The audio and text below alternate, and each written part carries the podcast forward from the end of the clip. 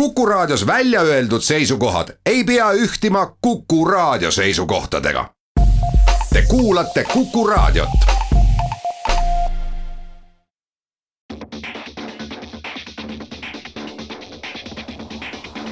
autotund. see on saade sulle, kui sul pole päris ükskõik, millise autoga sa sõidad.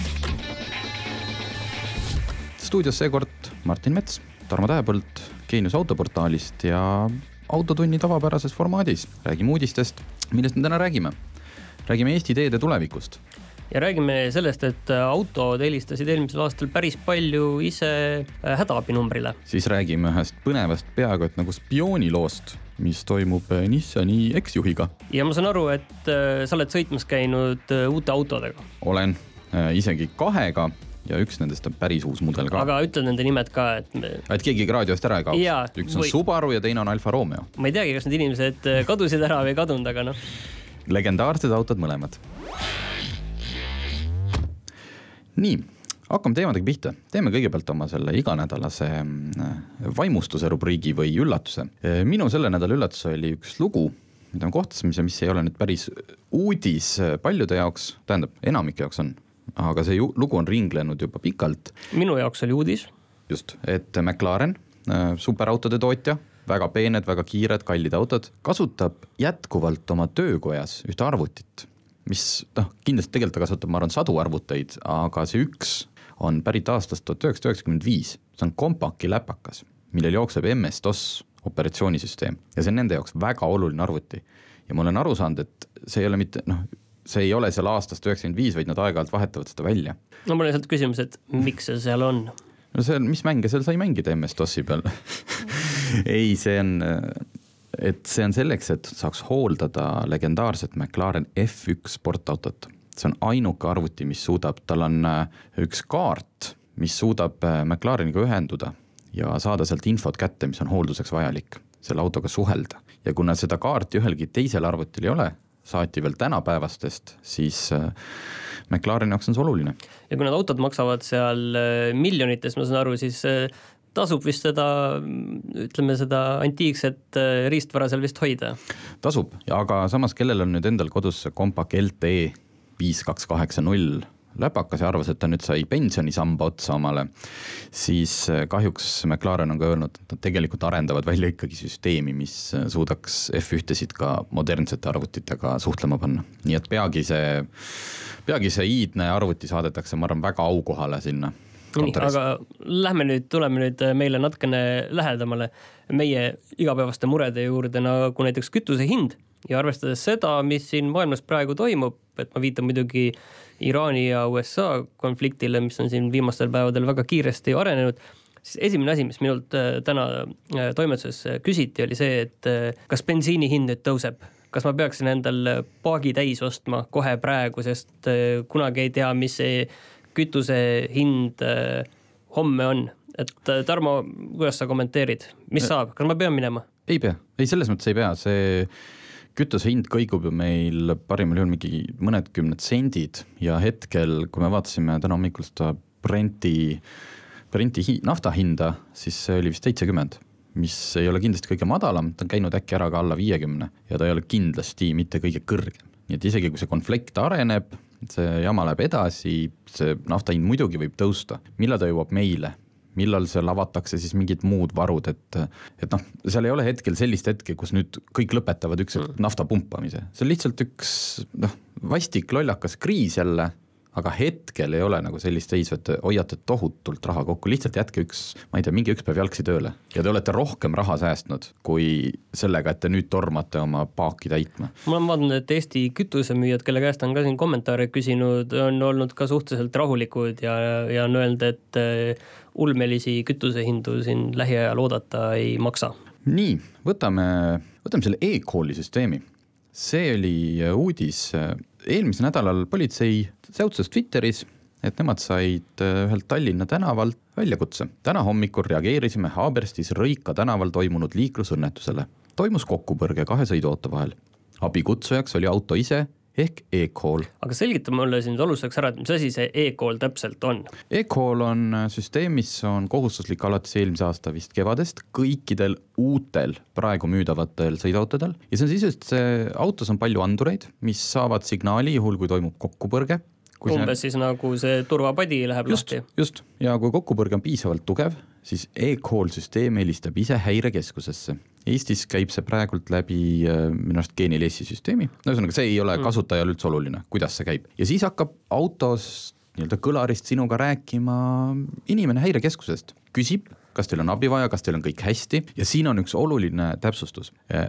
E-kooli saab ka ise aktiveerida, see on autodel näha, see on see SOS nupp juhul, kui te ise või teie laps või keegi vajutas seda kogemata, te aktiveerite e-kooli ja teiega hakkab keegi rääkima, kindlasti vastake, sest kui te ei vasta, arvate, et aa, ma lülitan kinni ära, et noh, kõik mm, -hmm.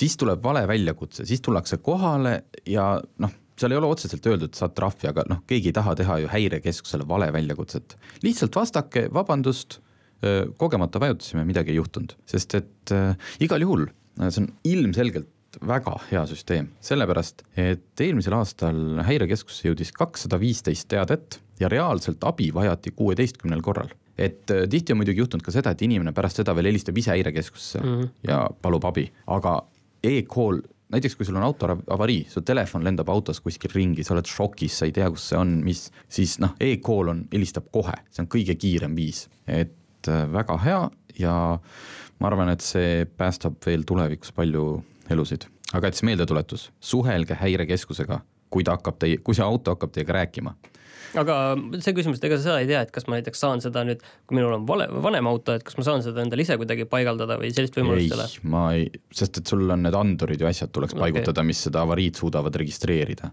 ma tean, et äh, kui me nüüd üks saade rääkisime sellest uuest või Venemaal uuenenud niivast, siis seal on see, oli välja toodud, et juhi turvapadja avanemisega aktiveerub nende oma kohalik see GLONASSil toimiv nii-öelda e-call süsteem. et noh, ilmselt sellise asja saaksid omale ehitada, ma ei tea, kuidas need on, Raspberry Pi ja Arduino peale et kui turvaplaat plahvatab, aga jah, et äh, ei sellist võimalust küll, ma ei tea, et ükski esindus pakuks. nii äh,. Meil... Lähme Eesti teede juurde. Lähme Eesti teede juurde, kõige põnevam. kas sina tead, ilmselt sa juba tead, sa oled seda, seda pealkirja näinud, aga kui täitub minu unistus et Tartusse, Tallinnasse, ei, Tartust Tallinnasse, Pärnusse ja Narva saaks sõita oleks kaks pluss kaks sõiduteed, kui palju see maksaks? Äh, üks koma seitse miljardit eurot äh, lugesin. üks koma seitse miljardit. ei tundugi väga palju tegelikult. see ei tundu üldse palju, jätke jama, loomulikult noh, kui mult keegi küsiks üks koma seitse miljardit, mul ei oleks talle kohe anda, aga siin on Maanteeamet, mm,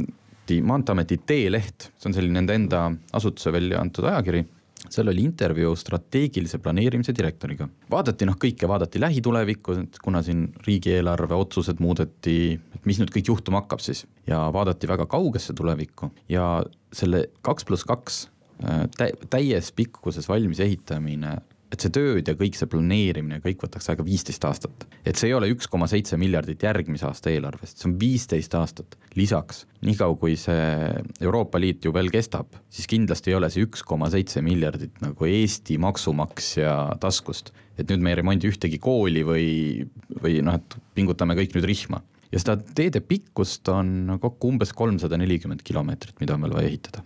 aga noh, see on nüüd see, et keegi ei ole veel öelnud, et see nii läheb. viimase aja kuum teema ja selles tee-ehituses on averus. kas sa tead, mis on averus? ei tea. nii palju uut infot sulle täna. averus on avaliku ja erasektori koostöö ehk siis PPP private public mm. partnership, et teha seda averuse kaudu, aga enne kui me selle juurde pikemalt läheme, laseme teil natukene mõtteid koondada ja teeme ühe väikse pausi.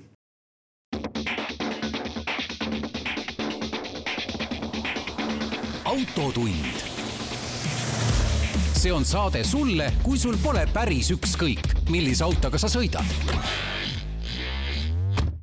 autotund on tagasi, jäime põneva Eesti teede tuleviku juurde ja noh, mis mind kõige huvitavam probleem oli see kaks pluss kaks teed, ühesõnaga üks.... oot, oot, oot, aga kaks pluss ühte, me oleme kuulnud, et palju siin Aha. viimastel aastatel kaks pluss ühest, et teeme nii ja polegi vaja neid laiasid teid ja siis tuleb jälle mõni Rootsi teadlane, kes ütleb, et meilgi pole raha kaks pluss kaks teede jaoks, et mis teie veel seal teete vot see on eriti huvitav, sest et äh, selles intervjuus on lause, varem kavandatud kaks pluss üks lahendused ei leidnud enam toetust ning nende eel- ja valmimisprojektid, need, mis ei ole ehitusse veel mm -hmm. jõudnud, tuleb üle vaadata.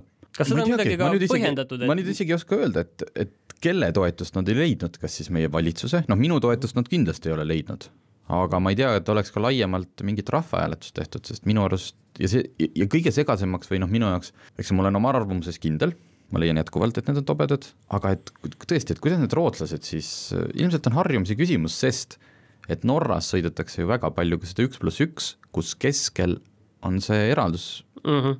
riba, kus sa ei saagi mööda sõita. et kuidas nemad seda teevad, sest minu arust see, ma nüüd ei räägi sellest seisukohast, et ma peaksin õudselt saama kogu aeg kellestki mööda minna, vaid äh, nüüd tehti ju sinna Rapla kanti üks. jah, mõned kilomeetrid. just, ja tänu kõikvõimsale internetile sain ma üks päev vaadata olukorda kus üks rekka, noh, Murphy seadustele omaselt, oli lihtsalt ära surnud sinnasamma üks pluss üks teele, kust sa mööda lihtsalt ei saa. ja kujuta ette, kuidas selline olukord siis laheneb, siis peab ju hakkama teiselt poolt keegi talle järgi tulema, kes ta sealt ära veab. ja kui sa oled sellise võrdlemisi tiheda asutustee peal, et kui pikaks see saba venib, et mis siis saab, et kas siis kambaga lükkame selle rekka sinna kraavi ümber ja las siis öösel lahendatakse. aga ma ei tea, Norras toimib või ma ei tea, kas toimib, aga seal need on. rootslased on oma kaks pluss ühega rahul, aga meie, me tahame kaks pluss kahte. nii et ühesõnaga ei, mina tahan ka kaks pluss kahte, siin selles mõttes pole nagu küsimust, aga mis on tegelikult üks muidugi huvitav asi, et tegemist on sellise noh, pika projektiga on ju, viisteist aastat. et ja meil on siin see tore kliimastrateegia, kliimaneutraalsus aastaks kaks tuhat viiskümmend et selliste, selliste suurte teede rajamist on võimalik, et eh, need kliimaneutraalsuse programmid enam väga ei toeta, selle asemel ehitada raudteid.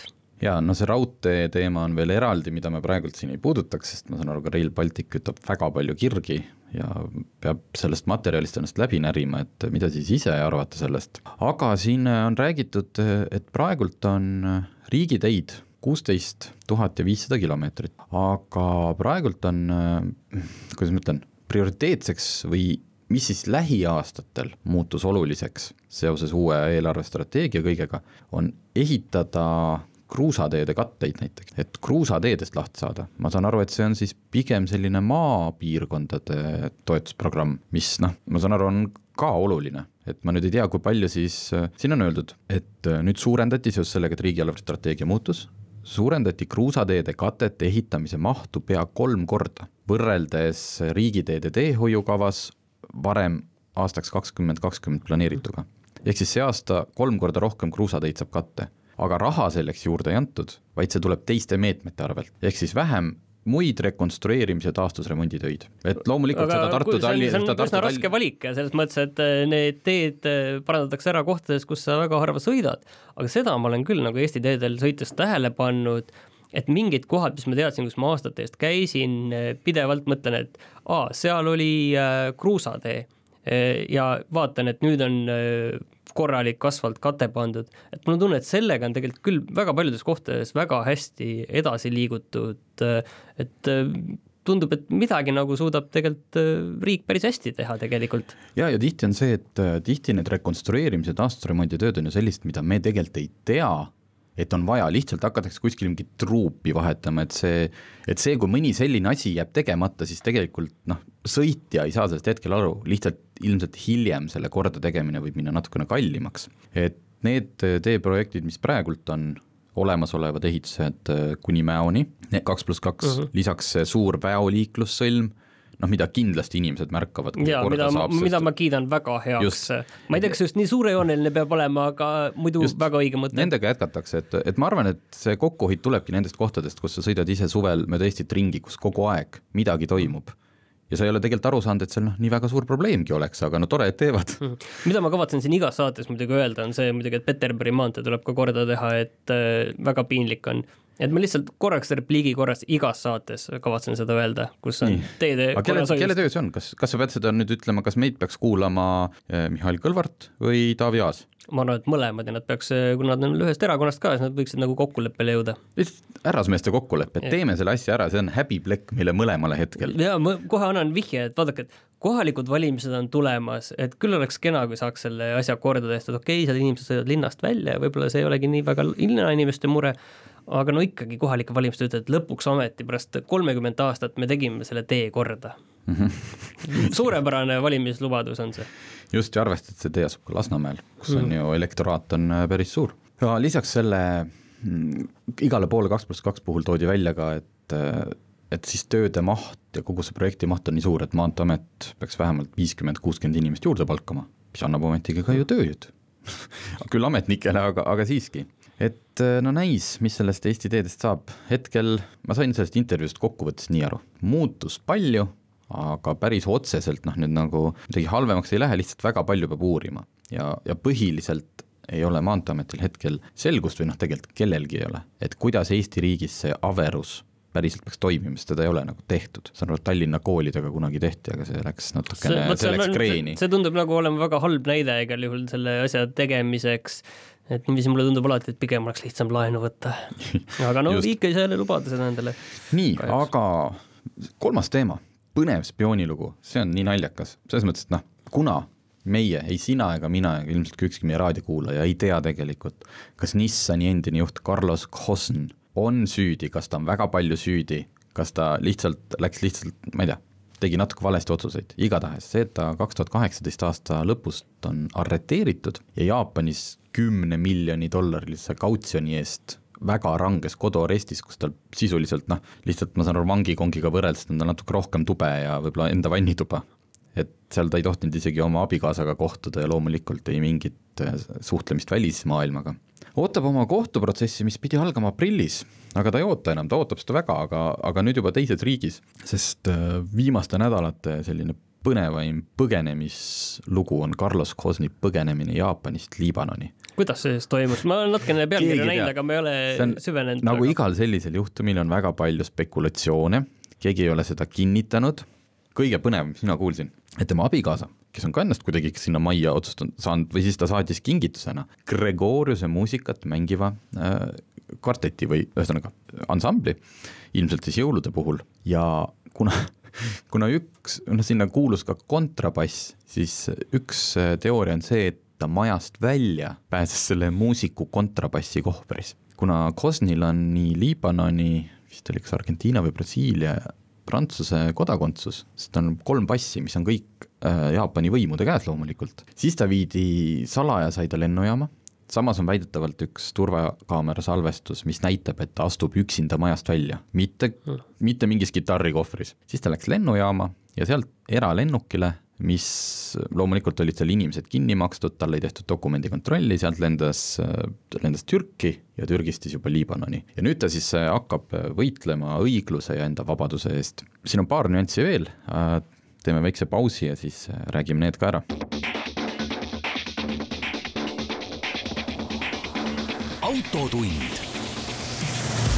see on saade sulle, kui sul pole päris ükskõik, millise autoga sa sõidad nii, Autotund on tagasi. jätkame põneva Carlos Cosni põgenemislooga.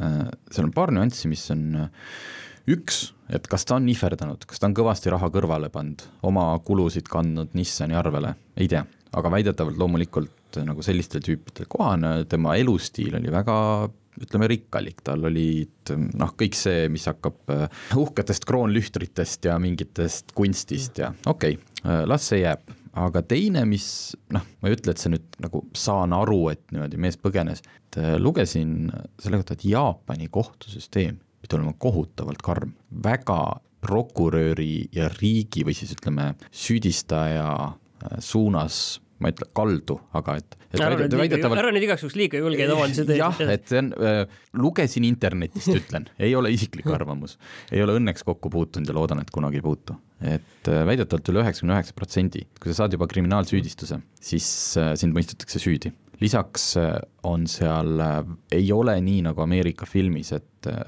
sa ei pea ühelegi küsimusele vastama ilma advokaadi loata ja sind nagu Eestis äkki võib neljakümne kaheksaks tunniks kinni pidada. enne, jah, enne konkreetset süüdistust ja kõike ja siis Jaapanis on see asi palju, kuidas ma ütlen, võimudel paindlikum, sind võidakse väga kaua kinni hoida, sul ei ole kohe õigust advokaadil ja nad võivad sind üle kuulata ka ilma advokaadita. ja sellepärast, sellepärast see vaene mees pidi siis põgenema. sellepärast pidi see vaene ja tagakiusatud Carlos Cosn pidi põgenema, et saada, et hakata õigluse eest võitlema ja saada õiglast kohtupidamist. kuidas see asi areneb, ma arvan, et me võime siin mitu aastat igas saates teha väikse ülevaate, kuidas läheb Carlos Cosnil. ärme tee. aga pigem ma arvan, et see läheb nagu, kes see oli, Julian Assange või? kes istub siiamaani vist, elab mm. kuskil saatkonnas, et palju õnne Carlos Cosnile. nii, aga lähme proovisõidu juurde. kuidas me teeme? mina räägin, sina küsid. teeme nii, nii, mis autoga sa alustad?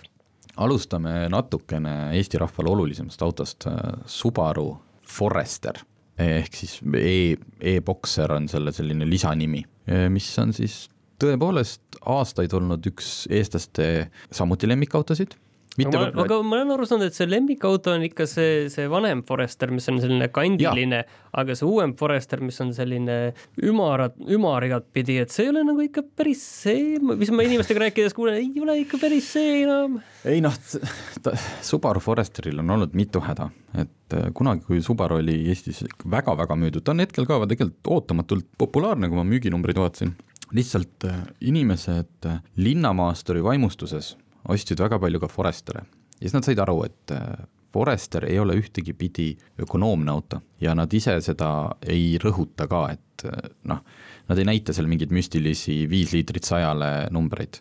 see, see no, paljud Foresteri omanikud, keda me tunneme, on esimene asi, mida nad kurdavad, ongi see, et ikka kütusekulu on väga-väga suur. noh, sihuke noh, loomulikult, kui sa linnas sõidad oma selle kaheliitrise boksermootoriga, turbot seal ei ole, selline nii-öelda vabalt hingav variaatorkast, noh, ta võtabki sulle ära kõik kütuse, mis sa sisse paned. aga miks siis, kellele see siis mõeldud on? tegelikult on Forester algusest peale olnud esimese põlvkonna Foresterid olid isegi nagu väiksemad ja madalamad, ta on maastikuauto. tegelikult on Subaru Forester maastikuauto, mitte niivõrd linnamaastur. aga ma saan aru, et Inimesed visuaalselt on seda ikka maskeeritud natukene linnamaasturiks. noh, sa eriti ju Ameerika turul äh, on Forester väga populaarne, et noh, sa pead ju inimesele ikkagi müüma, kui kõik autod kasvavad suuremaks, siis peab ka Subaru Forester kasvama. ja nüüd on siis äh, uuenenud Forester tegelikult isegi päris uus, sest tal on nüüd lõpuks ka hübriidmootor. Forester ise juba avalikustati aasta alguses ja loomulikult läkski esimesena minu teada koduturule ja kindlasti Ameerikasse. Eestisse jõudis nüüd eelmise aasta lõpul. välimuses kardinaalselt midagi muutunud ei ole, samasugune natuke robustne, näed, selline noh, ilmselge jaapanlane, kõrgem, aga E-Boxer, räägime siis hübriidindusest. üks asi, mida mulle kohe ka öeldi, kui ma küsisin äh, Subarult, et äh, mis siis noh, kui palju siis nüüd kütusekulu on või palju ja siis säästab? Eh, kui ma nüüd linnas olen sellega, et palju ma siis saan sõita selle hübriidi pealt no,? ei, ta ei ole, ta on, ta on selline pigem Lexuse ja Toyota tüüpi hübriid, et ta ei ole mm. pistik, et sul ah, ei ole siin sellist aa, ma mõtlesin, et pistikuga on tegelikult üldsegi. ei, ta on ikkagi selline iselaaduv mm. ja mulle öeldi suhteliselt ausalt, et ega Subaru ei ole seda hübriidi sinna pannud äh, öko pärast. Ja isegi vist mitte selleks, et saada oma tehase neid keskmisi asju olla, vaid äh, kuna Subaru on ikkagi tööauto, äh, ma kohe jõuan selleni, noh, selles mõttes pigem töö- ja maastikuauto, et siis see hübriid aitab anda talle natukene rohkem pöördemomenti, sellist noh, minekut igal, ka nendel madalatel kiirustel, kui mootor, kuna tal ei ole, ühesõnaga, boksermootoril lihtsalt seda jõudu ja niimoodi juurde miks ma ütlen, et Subaru on tööauto, siis ähm, mis teda eristab võib-olla siis tavalisest linnamaasturist, esmalt muidugi noh, korralik neliveosüsteem, et tal ei ole mingi selline, kus esirattad, ei tagarattad tulevad siis appi, kui esimesed on lootusetult juba kinni jäänud, vaid ta on ikkagi päris maastur.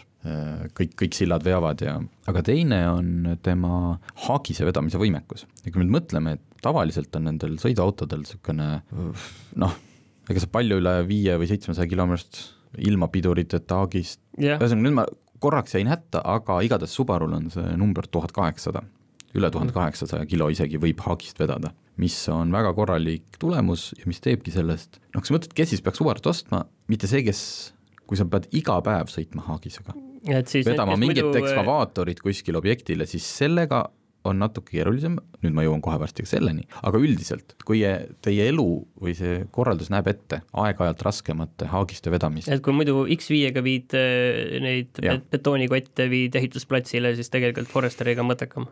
jah, äh, pigem on see, et äh, nende meeste, kes X5-ga veavad, nendest noh, allapoole jäävad nagu päris päris töömehed ka veel, et noh, kui me võtame firma hierarhias, et kui ehitusfirma juht sõidab X5-ga, et siis oma objektijuhtidele ta võib osta siis ju Foresterit.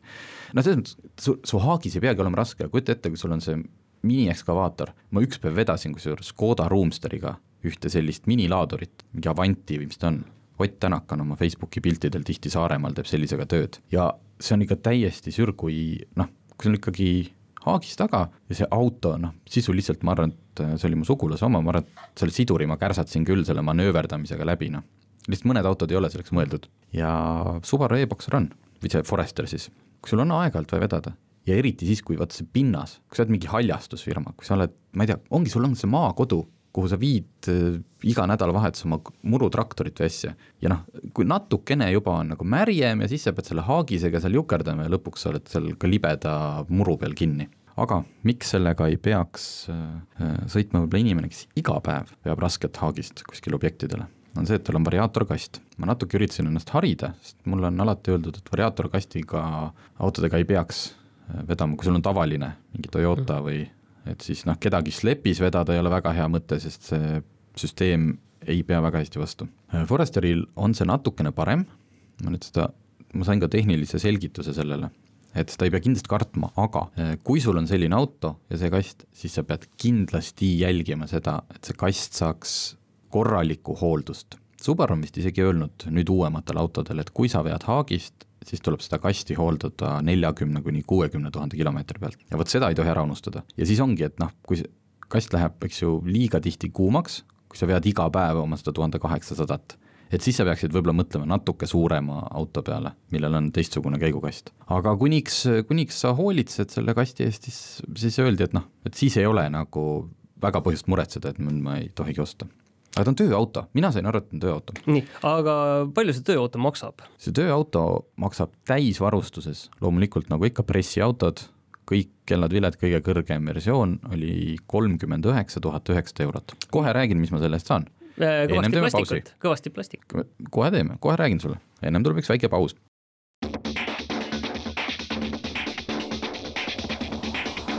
autotund see on saade sulle, kui sul pole päris ükskõik, millise autoga sa sõidad. autotund tagasi, räägime Subaru Foresterist. kusjuures ei saa plastikut, tegelikult oli selle neljakümne tuhandest ja kui ma veel mõtlen, et ta on äh, väga maastikuvõimekas, selline tööauto, siis noh, ei tundnud seal, et kui ma nüüd oleks ise seal nelikümmend tuhat välja käinud, et siis äh, miks mind niimoodi alt on tõmmatud. ta on selline noh, nagu Jaapani auto, et äh, kui tegelikult see oli nüüd halb võrdlus, sest Mazda on ka Jaapani auto ja see on see-eest väga äge. aga ta on normaalne, ta on noh, tal on kõik asjad on peal, mis seal pidid olema, kõik äh, juhiabid, püsikiirushoidjad, adaptiivsed, ainuke, mis nüüd teda pagasiruum on natuke väiksem, sest need akud asuvad pagasiruumis noh, nii-öelda kohe seal põranda juures.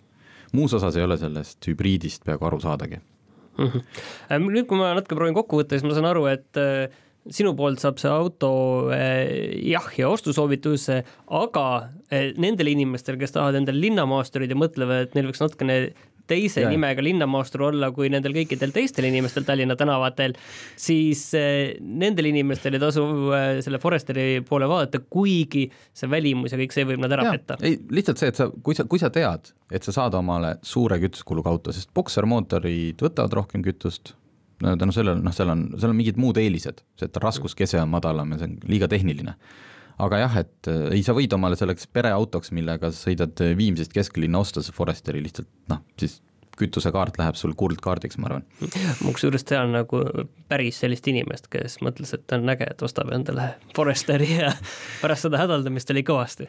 just, et äh, noh, see on see ootust, ootuste ja, ja reaalsuse erine, erinev suhe, et äh, seal ikka. Äh, mina käisin selle autoga, mäletad sa, kui siin oli nüüd see teine torm, kus mm -hmm. sisuliselt hoiatati, et ärge õuegi minge, see oli kuusteist detsember äkki et äh, mina otsustasin, et noh, mitte ei otsustanud, mul oligi sellel õhtul vaja sõita Hallistesse Tallinnast. selle, läksin siis loomulikult selle Subaru e-Boxeriga, mõtlesin, no nii, nüüd hakkab loodus mu teele viskama takistusi, kuidas ma sealt nendest puudest üle ronin selle autoga ja teisi inimesi kraavist välja aitan. tuul lükkab tee pealt ära. puksis kõvasti, kusjuures puksis küll, aga ma pean ütlema, et ma nägin isegi, keegi saatis mulle pärast mingit kus oli politsei, oli pannud Facebookis, et kontrolli, kas su lähedased on teel ja ütle, et nad põhimõtteliselt, kas läheks teelt ära või ei oleks. noh, ma olin valmis ikka korralikuks loodusõnnetuseks. nagu ikka, tegelikult on tore, et hoiatatakse rohkem, kui tegelikult asi väärt on, selles mõttes, et see on õige tegu aga ma ei, noh, ma ei saanud ühtegi ekstreemsust, ma ei, ma ei saanud kedagi ära päästa, mul ei kukkunud ükski puu ette ja ma ei, ma ei. eks siis järgmise tormi ajal küll neid tuleb, et sa pead patrullima uuesti looduses. vot, aga inimesed, kes tahavad äh, sõita natuke teistsuguse linnamaasturiga, aga siis sul peab ka natu-, natukene suurem rahakott olema, mitte väga palju. aga alustame kohe rahast ära, ütle ka palju maksab see auto, mille, see auto, mille nime sa pole veel öelnud.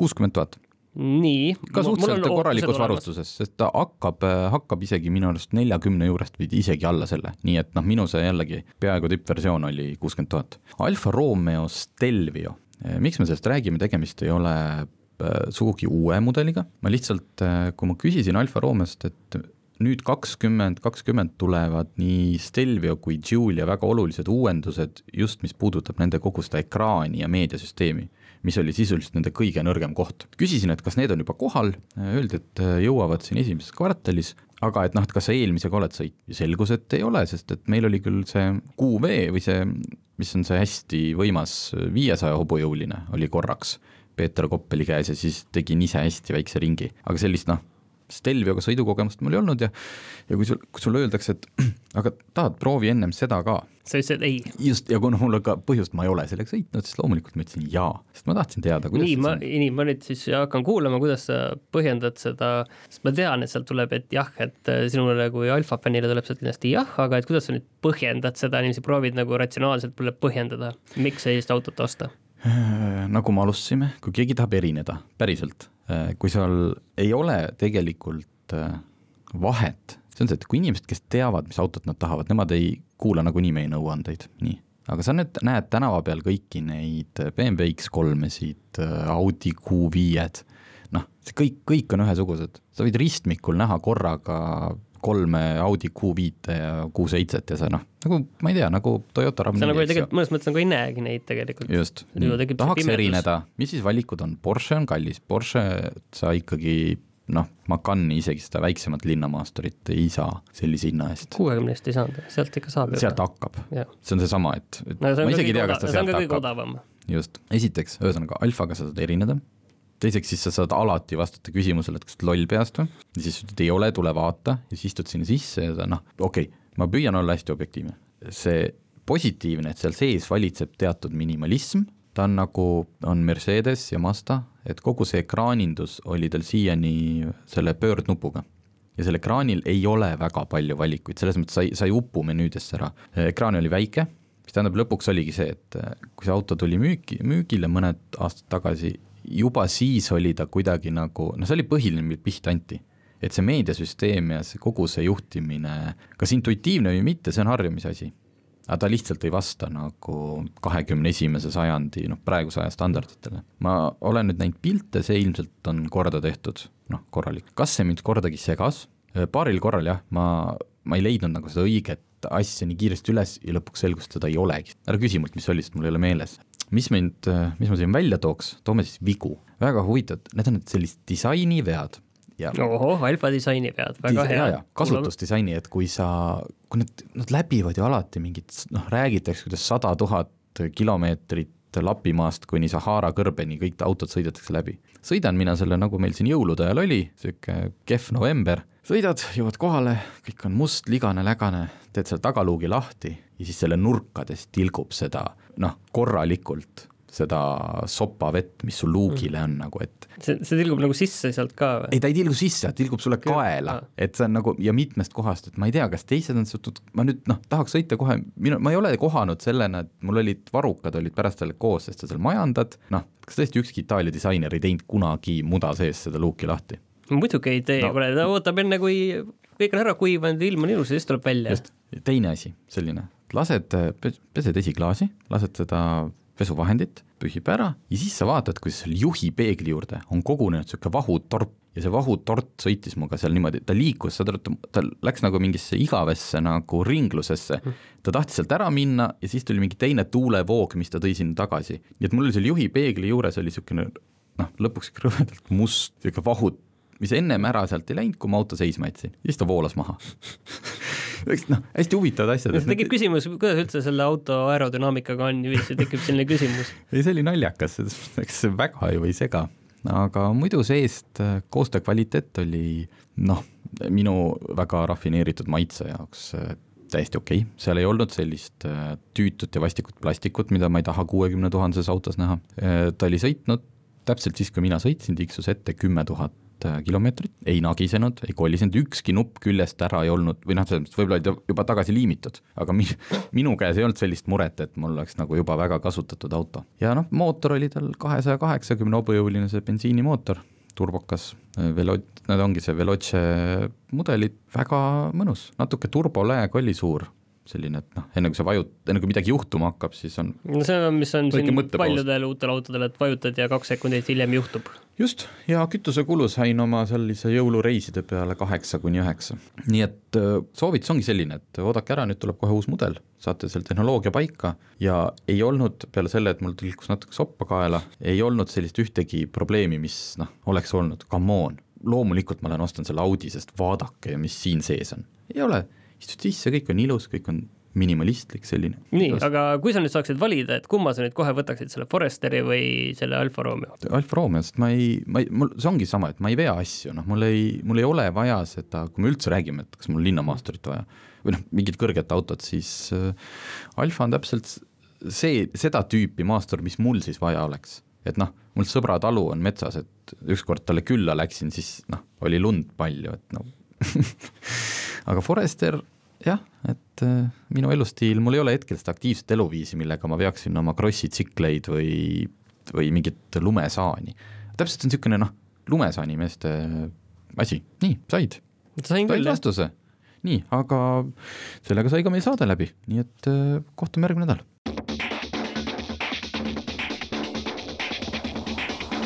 autotund see on saade sulle, kui sul pole päris ükskõik, millise autoga sa sõidad